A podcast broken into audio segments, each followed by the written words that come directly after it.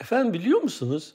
Bizim e, Müslüman hocaların, şeyhlerin büyük bir kısmı kendini Yahudi zannediyor. Duydunuz mu bunu? Gerçekten. Neden mi? Çok basit. Efendim Kur'an'da bir ayet var.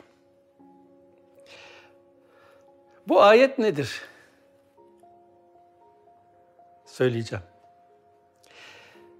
Ben ruhtan bahsediyorum.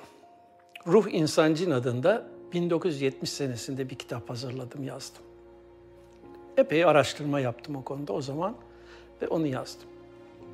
O kitapta da ruhun yapısını anlattım, ruhu anlattım. Onun üzerine bizim bu hocalar, şeyhler hemen isyana başladılar. Sen ruhtan bahsedemezsin. Ruh bilinmez. Kur'an hüküm veriyor. Ruhtan size az bir ilim verilmiştir. Sen ruhtan konuşamazsın. Efendim ayet İsra suresinde 85. ayet.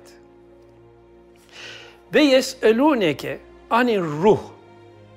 Kulir ruhu min emri rabbi ve ma utitum minel ilmi illa kalila. Sana ruhtan soruyorlar. De ki, ruh Rabbimin emrindendir. İlimden size pek az verilmiştir. Haklılar mı?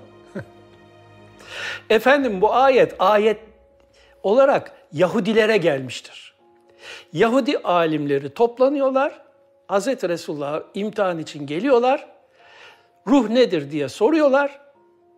Onların sorusuna da bu ayet cevap olarak geliyor.